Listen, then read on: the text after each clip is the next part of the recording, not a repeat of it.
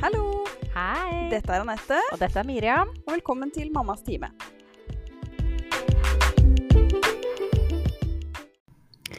Hallo, og hjertelig velkommen til eh, en ny episode. Altså nå, tenk at vi, det har gått seks dager siden sist. Det er imponerende til å være oss. Ja, veldig imponerende til å være oss. Nå var det to ledige timer når vi kunne, så det er veldig bra. Det um, har jo gått lang tid imellom, men nå har vi klart det på under en uke. Så det er veldig bra. Så har det vært siden sist. Nei, altså, jeg har så dårlig hukommelse. Ja, det er sant det. Ja. Du veit ikke hva du har Nei, jeg gjort i helga, jeg, jeg har jobbet, nei, jeg har jobbet helg. Ja, det, har jeg, Begge to. Eh, og så har jeg to vakter igjen, og så har jeg sommerferie og går ut i litt ulønna permisjon før eh, Ja. barnehagestart. Ja. Mm. Deilig. Hva med deg, Anette? Jeg har jobba, jeg òg, da. Nattevaktshelg. Eh, og så har det jo vært veldig fint vær. Selvfølgelig, akkurat den helga jeg jobber, det, er jo, det skjer alltid, det. Og når jeg ikke jobber, så er det dårlig vær. Ja. Så det er litt uh, trist.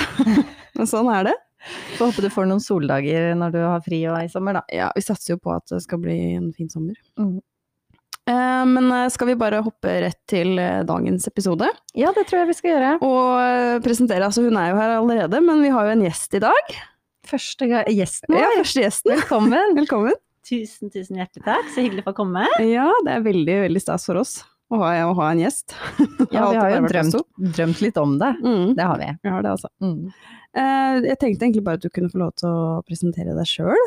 Jeg tror det er eh, det beste, Ja. at vi gjør det. Mm. Jeg heter eh, Marianne. Jeg er selv mamma til to barn. Mm.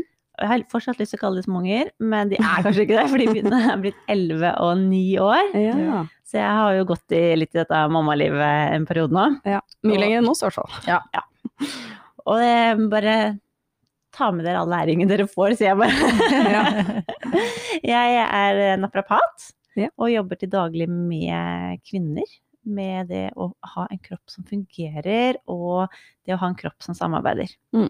For er det én ting hvert fall jeg merket ekstremt godt når jeg fikk barn, så var det at eh, kroppen ikke akkurat var den samme, og jeg trodde jeg kunne kropp. Mm.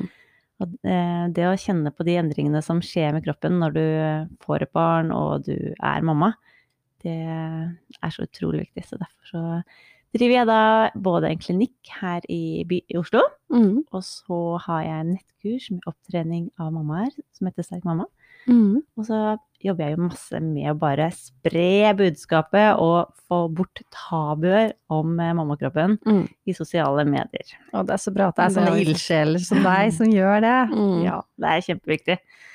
Jeg hadde jo selv en mamma som ble veldig, veldig dårlig når hun gikk gravid. Holdt på å havne i rullestol og fikk veldig, veldig bekkenløsning. Og det å se hvordan systemet liksom egentlig sa at hun bare skulle holde seg hjemme, til liksom eh, det, å faktisk kunne fungere, det har eh, vært en stor, brennende eh, kamp for min del, i hvert fall. Mm. Ja, det skjønner jeg. Mm. Mm. Og det er, jo, altså det er jo et tema som blir lite prata om. Det har vært mer sånn nå Eller vi har jo prøvd å belyse litt sånn Bare det med rett etter fødsel. eh, Det har vært veldig mye prat om selve fødselen og hva som skjer med kroppen, og at det, er vondt og det er sånn og sånn, men etter fødsel også så er det sånn Ja, og så skal du føde eh, morkaka, og så skal du sy, og så skal du ha vonde bryst, og så skal du Det er veldig mye sånn etterpå. Og også da i, mm, i den barseltida hjemme, og eh, med, når du er hjemme det året med, med barn, så er det Det blir veldig lite prata om. Det er liksom ikke noe folk, Jeg føler folk får litt sånn sjokk over at eh, Å ja, det er mer, ja, enn bare fødselen som er eh, kan være plager man har. Ja, jeg tenker selv når jeg er på barsel, som jeg også jobber på, så skal vi ha sånn utreisesamtale for Infom for å ruste kvinnene eh, for å reise hjem. Mm. og da, det eneste jeg nevner da, det er sånn, og så er det lurt å gjøre bekkenbunnstrening. Og det kommer alltid i en sånn liten bisetning, fordi at selv så har ikke vi fått noe eh, undervisning om det på skolen, eller det er sånn der, det må du ha egeninteresse for å finne ut av, eller tilegne eh, tilegne deg den Mm. kunnskapen. Og så er det et hav av ting på nettet om hvordan man skal gjøre det, hva som er riktig, hva som er galt. Og så er det godt at du, Marianne, er her hos oss og kan eh, lage en liten uh, vei for uh, oss og alle de som hører på, Mm, om hvor man kan starte. Jeg tenker at det aller viktigste er kanskje ikke å starte på barsel. Nei. Jeg husker at jeg, jeg har hatt to ganske raske fødsler. Den ene var styrtefødsel. Og så fikk jeg tilbud om å gå på Beckermunds trening typ liksom seks timer etter jeg hadde født. En, jeg var jo ikke klar til å gå og begynne å kjenne på de tingene der nede, for det føles jo som en aperumpe. ikke sant? Ja, ja. begynne å jobbe med det, det føles jo helt unaturlig. Mm. Og for andre så var jo mitt fokus var jo hos barnet. Ja. Jeg hadde jo ikke lyst til å bare sånn men pappa, kan ikke du ta den ungen der, for jeg skal begynne å trene bekkenbunnen. Jeg var jo ikke klar. Nei, nei, nei. Så det å liksom tillate seg å bruke litt tid på å liksom bare lande litt i kroppen, Mm. er også kjempeviktig. Men Mm. også tillate seg å faktisk huske at du har vært igjennom ni måneder der bekkenbunnen har vært tøyd ut. Den har blitt ekstremt tøyd ut under en fødsel. Uansett om du har født vaginalt, så har den også fått en trøkk. Eller født eh, med keisersnitt, Ja, ja, så har den fått en trøkk. Mm. Og det å liksom tillate seg å bruke litt tid på å faktisk få kroppen sin tilbake, Mm. og lande litt i det, for så å begynne med øvelsene, Mm. tror jeg er kjempeviktig. Ja, for jeg brukte jo lang tid bare på å kunne gå en tur, jeg. Trilletur.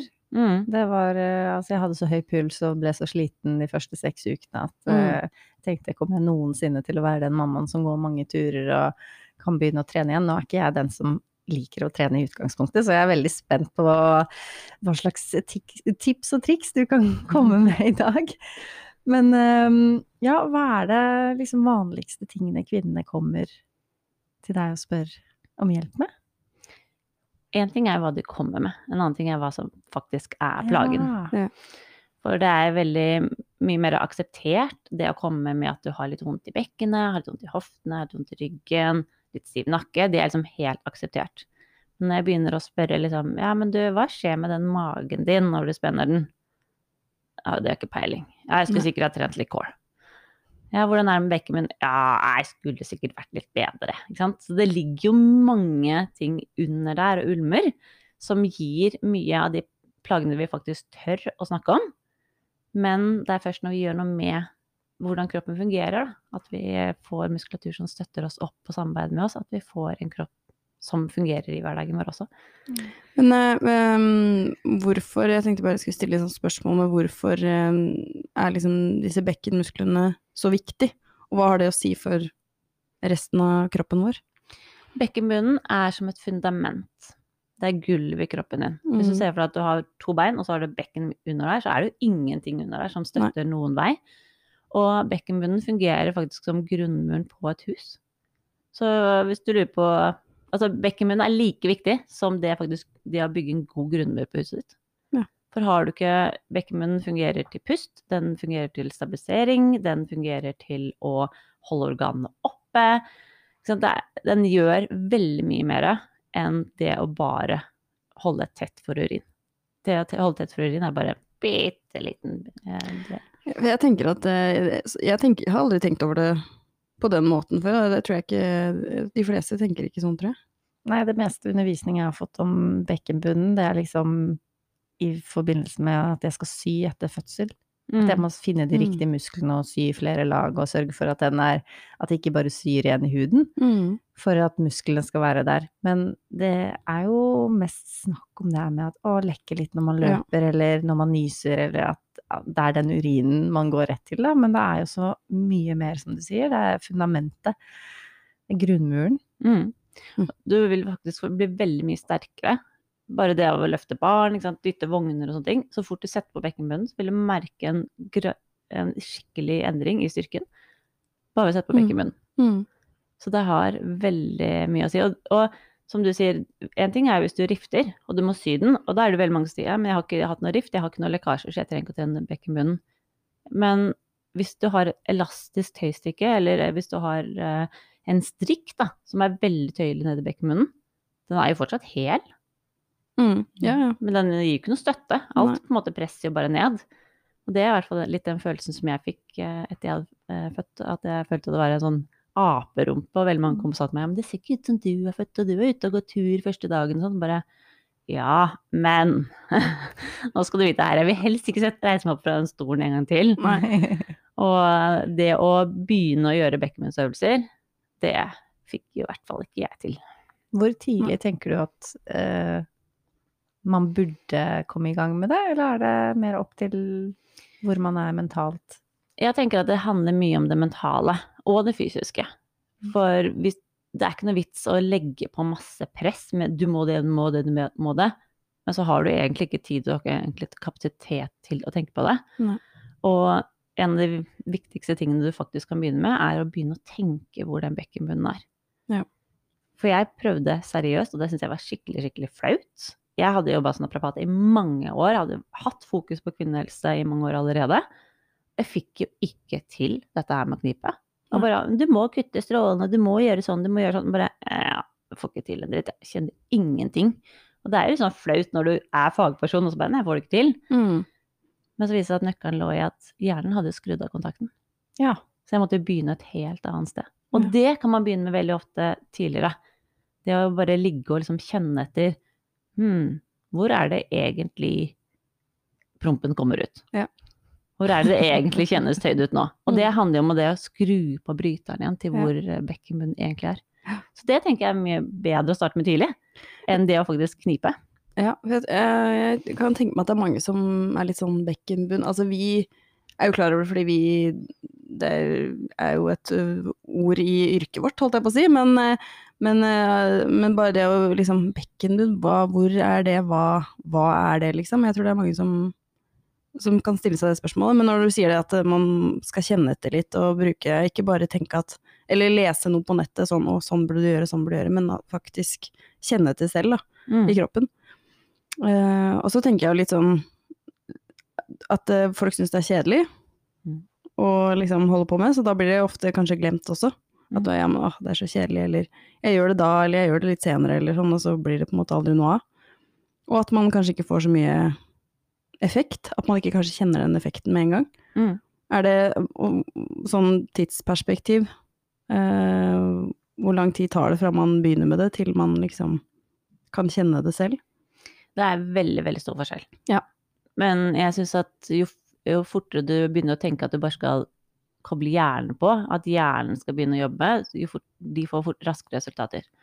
Og før jeg kom nå i studio, så hadde jeg en mamma på klinikken. Og det vi jobbet med på henne, var rett og slett at hun hadde så mye andre ting i livet. Så jeg, Mhm. men la oss bare slappe av litt, da. Så du kan slappe av og tillate deg liksom å, å kjenne at det halebenet slapper av, sitteknutene slapper av, og urinrøret slapper av. Mm. For det er også en fin trening. Mm. For ingen muskler kan jobbe hele tiden. Nei. Sant? Vet du, hvis du skal gå på jobb eh, hver eneste dag, så blir du litt sliten. Mm. Du også må slappe av for å gjøre en god jobb eh, dag etterpå. Ja. Og sånn er det også med bekkemunnen. Så du kan jobbe, med, jobbe flere veier, da. Mm. Så man må rydde litt opp i hodet før man eh, kan få fokus på, på det fysiske, holdt jeg på å si. Ja, eller rett og slett bare se mulighetene. Mm. Så er du der at du trenger å slappe av, så, så bruk det som en måte å trene bekkenbunnen din på. Er du der at du ler så, eller hoster, så liksom tenk på litt på hvor, du, hvor bekkenbunnen din er. Det er utrolig hva du kan gjøre etter at du er ferdig på toalettet. Mm. Toalettbesøkene er litt korte når man er mamma. Og Man skal ikke kutte strålen, absolutt ikke. Men når du er ferdig, ta ett knip. Da tar du i hvert fall fem knip i løpet av dagen. Mm. Ja. Det er raskt, det er effektivt, og det er noe du får inn i hverdagen. Ja, for vi snakket om det på en nattevakt. Da begynte vi med, med det med knipeøvelser. Og jeg merker Ja. selv at jeg begynner å gjøre det bare vi snakker om det. Ja, så jeg blir jeg også sånn begynte. nå, må, nå, nå må jeg sitte og knipe. Men vi prøvde å dele liksom erfaringer, da, oss jordmødre imellom. Og da sa hun ene at hver gang hun reiser seg opp, så kniper hun. Det er bare sånn innøvd at det, det skal jeg gjøre. Men er det nok med bare et sånn bare tre sekunders knip, eller skal man tenke de fem gangene da i løpet av en dag når man reiser seg opp fra toalettet, skal man tenke å nå skal jeg holde den knipen så lenge som mulig, eller hva er ditt tips? Jeg pleier ikke å si noe om tid Nei. og antall, rett og slett fordi jeg vil heller at du skal gjøre ett knip riktig. Og få på de riktige musklene uten å bruke rumpe og lår. Og heller liksom bruke kroppen din. For sånn som en jordmoren på jobben din sa, at jeg bruker den når jeg reiser meg opp? Når du bruker bekkenmunnen og magen kobla på, da, gjerne for de to henger sammen, Mm. når du reiser opp, så blir du mer stabil, du blir mye sterkere. Og jeg tror alle vi har hatt unger som sover på armen, og så skal vi reise oss opp fra sofa. Det er jo Ja. hvordan komme seg opp fra den sofaen Mm. uten å vippe fremover, for da våkner den ungen. Genialt tidspunkt å liksom få på bekkenet, for da er det mye lettere å komme seg rett opp.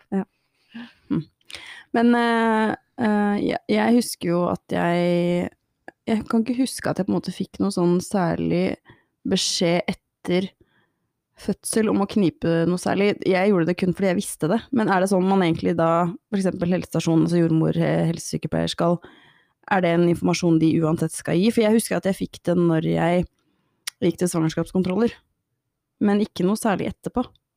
Det var med på forhånd, ikke etterkant. Er det liksom Jeg pleier å si at så fort barna er født, så har mor glemt. Ja. Og jeg har vært og snakka med flere helsestasjoner, og de sier bare vi har ikke tid. Nei. Men om du ikke har tid, så gi i hvert fall liksom, råd om søk, søk hjelp her, eller her kan du få Mm. hjelp, så du liksom minner folk på det. Ja. Eh, for jeg tror at veldig mange som, sånn som dere også sier, at ja, men det er så kjedelig, det er litt vanskelig, som jeg syns det var, og så vet jeg ikke helt hvor jeg skal begynne. mm. Og da stopper allting helt opp. Ja. Og eh, vi mammaer trenger virkelig å fungere, for det er Jeg vet ikke hva med dere, men jeg har i hvert fall et ønske om å være til stede med barna mine. Jeg har ikke lyst til å være den mammaen som står utenfor trampolina. Hvis jeg står utenfor, så vil jeg velge det. Ja. Vil Ikke fordi du må stå der, på en måte. Ja. Mm. Og det å kunne løpe og lære de å sykle uten at jeg føler liksom at alt bare faller ut. Ja.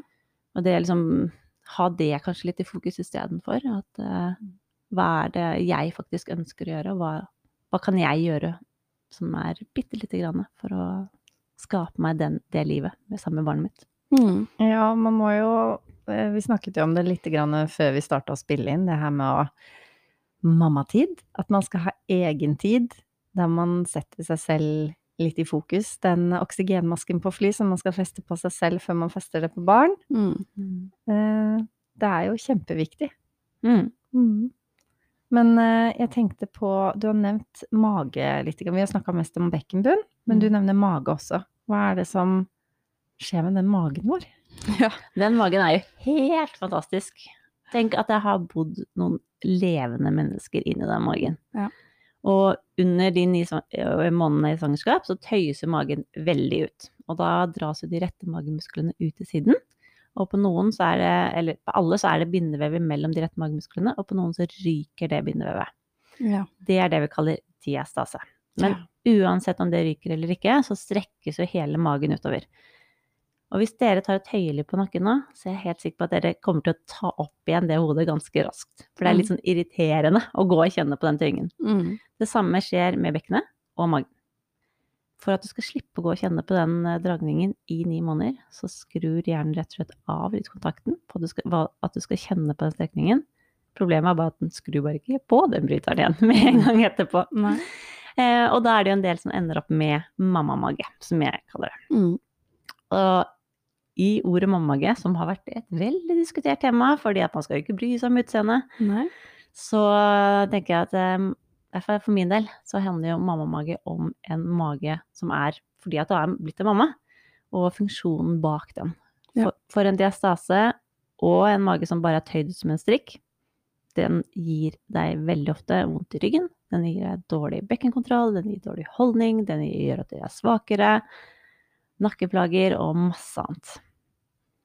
Og det, så utseendet har jo en påvirkning, eller forteller litt om hva som er på innsiden også. Ja, jeg tenker sånn, en ting er at uh, man kan si at det, ja, man skal se ut som man vil, og utseendet har, har ikke noe å si og sånn, men du skal jo ha en kropp som fungerer, Mm. og med disse delte magemusklene som ikke går tilbake igjen der de var, så funker jo ikke kroppen sånn som den skal.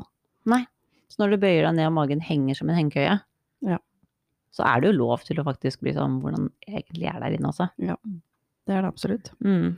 Men er det sånn at alle, altså diastase, er det betydningen av ordet, det var kanskje det du akkurat sa? Diastase er jo den glippen, når du har en Ja. glippe mellom, altså du på en måte kan stikke fingrene ned mellom de rette magemusklene. Mm. Men du kan også bare ha en, at magen er tøyd ut som en strikk, at du har på en måte, magen din er som en sånn løs strikk som bare henger og slenger. Altså tøy, strikken er tøyd ut, og så henger den og slenger der. Ja. Eh, så diastase er en naturlig separasjon som Mm. gror de første 12 til, nei, 8-12 ukene etter fødsel, og etter det så må du selv gjøre jobben for å få muskulaturen til å jobbe sammen. Men har alle øh, diastase? Alle har ikke diastase, men alle får tøyd ut magen. Ja. Mm. Mm. Men kan alle trene tilbake til normalen, og de som har en diastase? Nei, det er jo veldig Det er forskjell på hvor dyp og bred og lang den er. Eh, Men det som vi veldig ofte ser, er jo at funksjonen, altså det å kunne lukke og holde magen på, er det veldig mange flere som kan. Og barn er jo faktisk også født med diastase. Mm. Det er derfor de har den store magen i starten. Ja. Men de trener jo gradvis magen oppover. Derfor så blir magen flatere og flatere og flatere i, i takt med at de blir eldre og får mer kontroll. Mm. Og det er jo akkurat det samme som vi mammaer trenger. Noen må operere en diastase, men det som er viktig å få med seg der, er at eh, det å sy sammen magemusklene betyr ikke at du har fått funksjonen tilbake. Nei. Så det er jo en del som tenker at ja, men jeg syr sammen diastasen, så da, da blir jeg jo bra igjen. Men hvis fortsatt strikken henger, liksom at magemusklene går ut istedenfor inn når du spenner de, Mm. så vil det jo ikke gi den effekten allikevel, da. For en operasjon vil bare fikse det kosmetiske, og ikke den faktiske funksjonen, da. Ja, det vil liksom teipe igjen. Ja. Mm. men ikke holde funksjonen tilbake. Jeg pleier å beskrive det som en pappeske. At du, hvis du bytter det med fronten da, med en åpen pappeske, så er det fint å få lukket den, men du kan ikke ha et elastisk tøystykke som er lukket, og drive og snu på den pappesken med masse glasskuler, for da kommer mm. det til å knuse allikevel. Mm. Så du må både lukke den, og liksom få pappveggene på, da, for Ja. at du skal få støtten.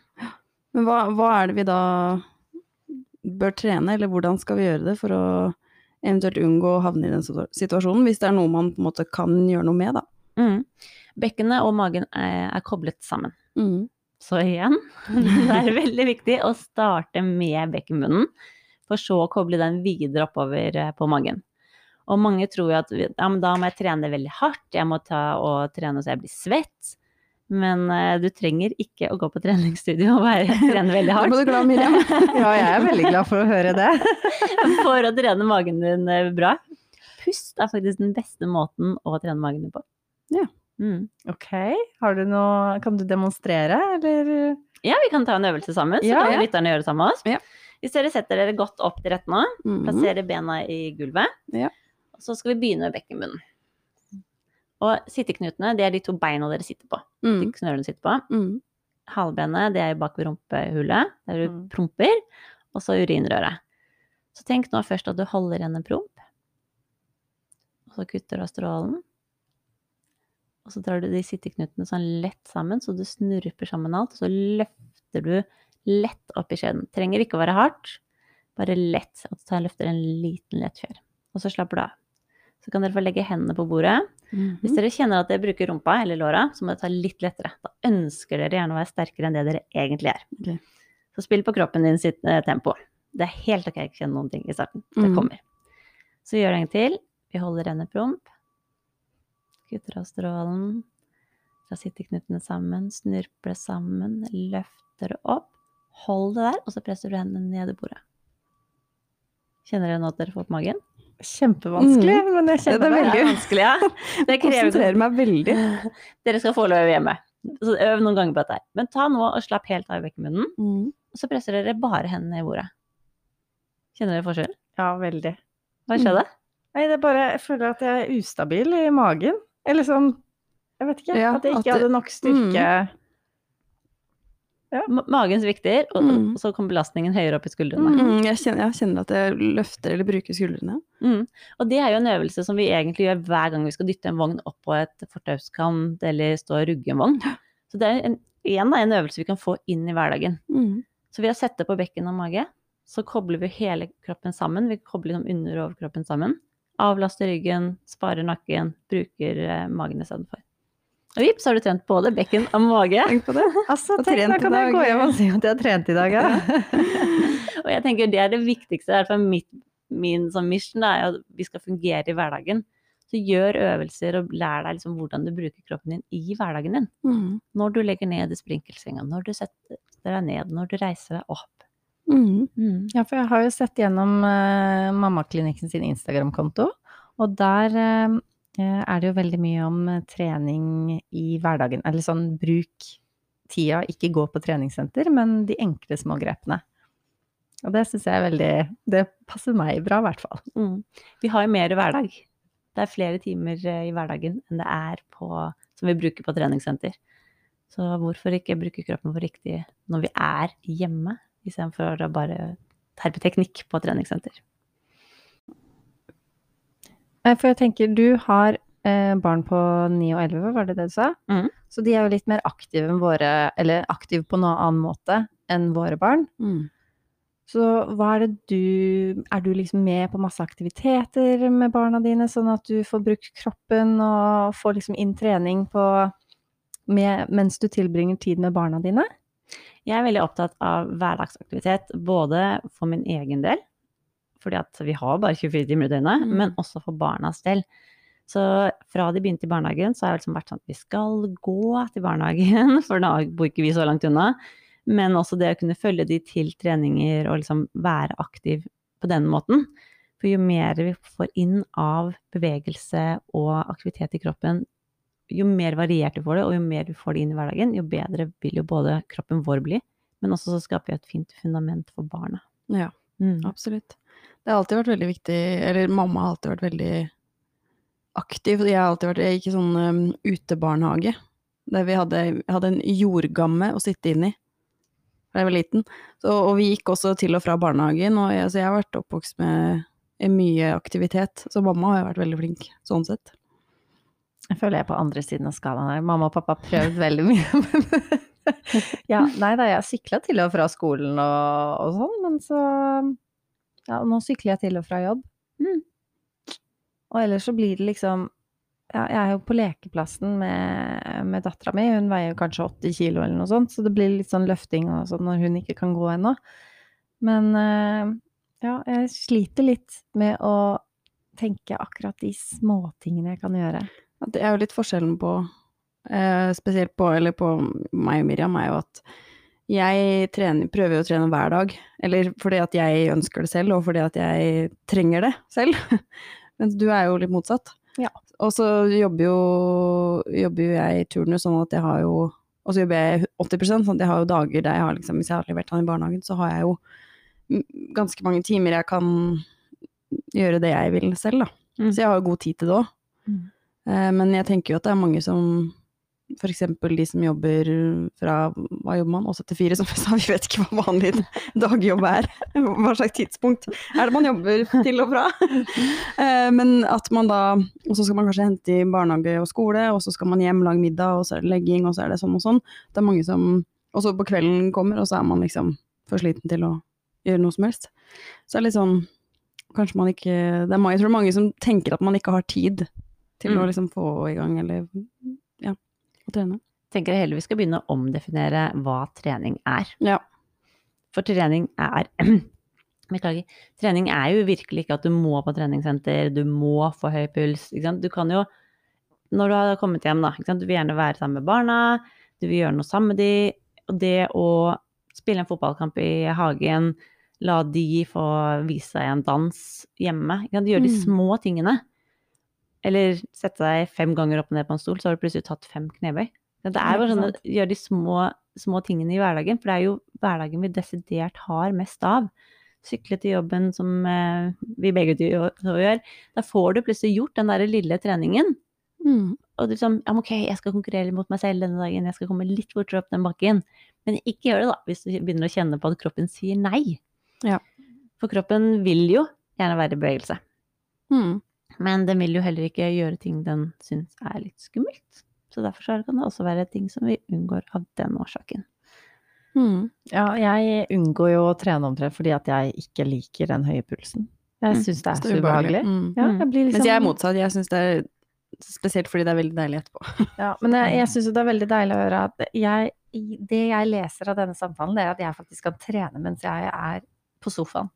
Er det jeg skjønner. Ja, men du, du kan trene mens du er på sofaen, men som du sa, at du er på lekeplassen. Mm. Det derre å fokusere på at du, eh, hvordan du egentlig dytter en huska. Det å være med og krabbe opp det klatrestativet når hun blir så stor. Liksom, å være, bare være aktiv med barna. Mm. For barn er jo verdens beste treningskompiser. Mm. Og det å følge de være med liksom å ligge på gulvet og løfte armer og bein, det er ganske slitsomt. Det er det. Eh, Krabbe rundt, leke sisten, leke gjemsel, liksom, når, de, når den tiden kommer. Mm. Da får du ganske mye inn. Ja. Og så går det an å, å liksom bare være bevisst. Eh, Du sa datteren din var åtte kilo, var det det? Ja, jeg tror hun er åtte kilo. Jeg vet ikke, hun skal veie seg neste, neste uke. Men det å liksom være bevisst på hvordan du løfter henne, løfte henne opp i taket, det er sånn typisk eh, bevegelse som unger syns er kjempegøy. Og la den gleden hennes og latteren hennes få smitte over i deg. Så gjør du det et par ganger til, altså så setter på bekken og mage, sånn som vi gjorde i sted, Mm. eh, i den øvelsen. Og da får du faktisk trent masse armer også. Ja. Nei, det, jeg merker det jo, og jeg syns jo at hun har Altså, jeg begynner å bli sliten og jeg holder henne over lengre tid nå. Mm. Men jeg kjenner jo, altså, jeg tenkte på det her om dagen, jeg har alltid hatt sånne fiskebolle-biceps, liksom, det har ikke vært noe der. Og så tenkte jeg sånn bare herlighet, nå har jeg jo fått sånn faste armer som bare har gått og båret på henne i over et år. Ja, jeg, også, selv om jeg er vant til å trene, så jeg, mist, jeg mista jo veldig mye muskelvekst når jeg var gravid, fordi at jeg ikke hadde kapasitet til å trene eh, så mye som jeg pleide før jeg ble gravid, og jeg merka jo det etterpå at jeg var mye svakere. Men eh, armstyrken min har jo kommet skikkelig tilbake, og er jo kanskje enda bedre. Og det er mest fordi at jeg, jeg har en snart toåring som er eh, tung for alderen, og har vært tung fra han ble seks uker, så skøyt uh, vekta i, i været. Eh, så han har alltid vært veldig tung, og ofte så er han litt sånn klengete hvis han er sliten etter barnehagen og sånn, så må jeg kanskje stå og holde mens jeg lager middag eller et eller annet, og han er 15 kilo nå. Eh, sånn at jeg kjenner jo at jeg blir sliten, men jeg kjenner jo også at jeg blir mye sterkere, fordi at man, man bruker jo kroppen på en helt annen måte etter man får barn, enn det man gjorde før. Mm. Så, Det er jo ikke sånn at alle må løpe et maraton, eller alle må gå på treningssenter og trene Nei. tunge vekter. For hva, hva er det som er ditt mål med din Ja. trening? Jeg tror det å liksom ikke sammenligne seg med andre, men heller spørre deg selv hva er det jeg ønsker å oppnå med å trene? mm. Hva er det som er viktig for meg?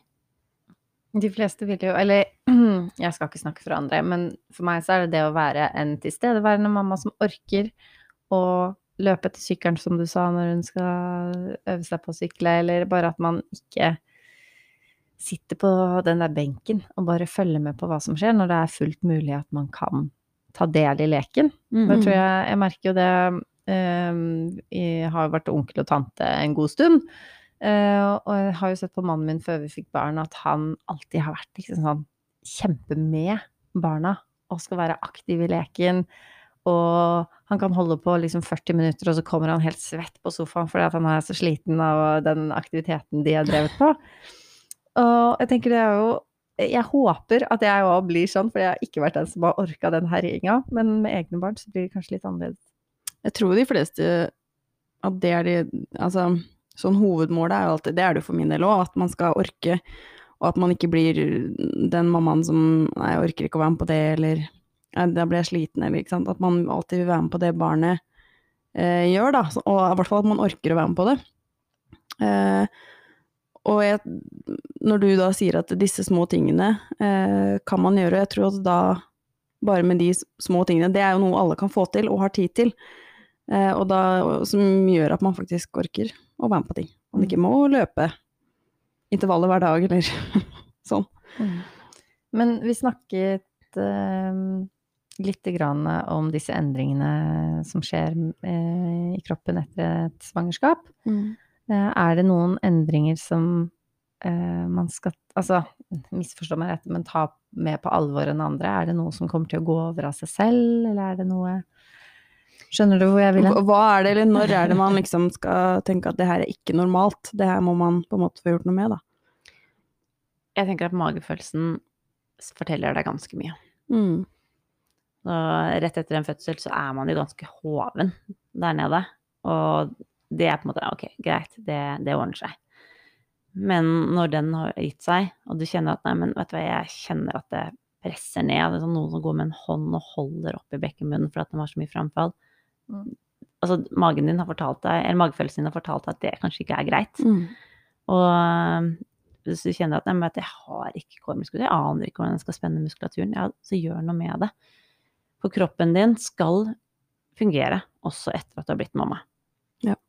Det, du skal ikke ha vondt. Du skal ikke føle at kroppen ikke er din. For det er faktisk din. Ja, du har lånt den bort, og du skal være Vi er takknemlige for at vi har fått barn, selv om vi faktisk har lyst til å ha kroppen vår tilbake. Ja. Og det å stole på magefølelsen. Mm. Du skal ikke gå og lekke, du skal ikke kjenne på nedpress, du skal ikke, ikke føle at du kan ta på magen din for at den er så ekkel. Det er Mm. ikke greit. Nei. For det gir så store ringvirkninger senere i livet. Mm. Men har du noe sånn For at dette skal bli eh, skal jeg si, ikke så tabubelagt og bli mer prata om, og at folk kan få mer hjelp, hva, hva slags tiltak eh, Eller begge to, egentlig. Hva slags tiltak skal vi gjøre? Begynne å snakke. Ja. Snakke og dele. Snakke og dele, og dele våre erfaringer og Ja. Jeg tror, selv om vi tre er helsepersonell alle sammen, så tror jeg alle vi har kjent på at det har skjedd ting med kroppen som vi bare Dette burde jeg ha fått til. Dette her Mm. skulle jeg ha skjønt på en annen måte. Absolutt. Og kjenner vi på det, så kjenner det i hvert fall de kvinnene som f.eks. er økonomer, da. Ikke noe, for, ikke noe sikt om økonomer, men de som ikke kan kropp, må Ja. også i hvert fall kjenne på det. Ja. For vi hadde jo mer, mye mer kunnskap og mye, mye mer åpenhet for å snakke om det Mm. fra grunnen av. Og det å liksom åpne opp der, liksom, men det er selv vi som egentlig skulle kunne det, Mm. syntes at det var vanskelig. At det var litt sånn annerledes.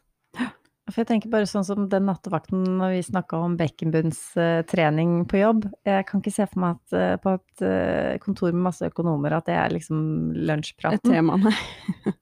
Så ja, jeg tenker det er kjempefint å ha sånne Altså Instagram-kontoen din, for eksempel, som er så åpen om det. Og Mm. bare hvis man scroller litt grann på Instagram, plutselig så dukker noe lignende opp, da. At man kanskje bare får den informasjonen og sånn åh, det her er Jeg skal ikke ha det sånn. Det, det fins en løsning på problemet, eller i hvert fall at man kan forsøke å løse, Mm. løse det, og så må man se hvordan kroppen responderer.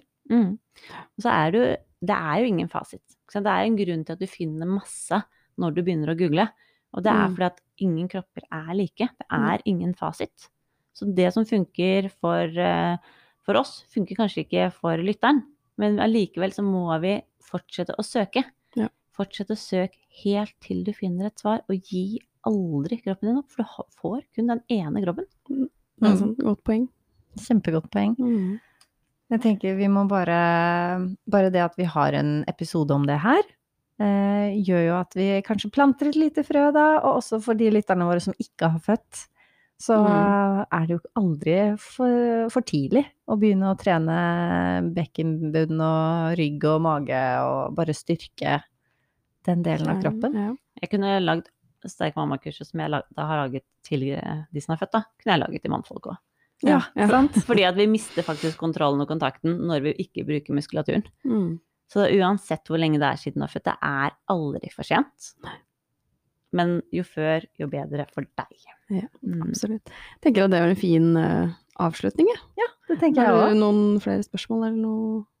Nei, egentlig ikke. Jeg er bare veldig glad for at du tok kontakt og hadde lyst til å komme Ja, og snakke med oss. Jeg ble Veldig glad når jeg fikk, eh, fikk melding av deg. Så hyggelig. Mm.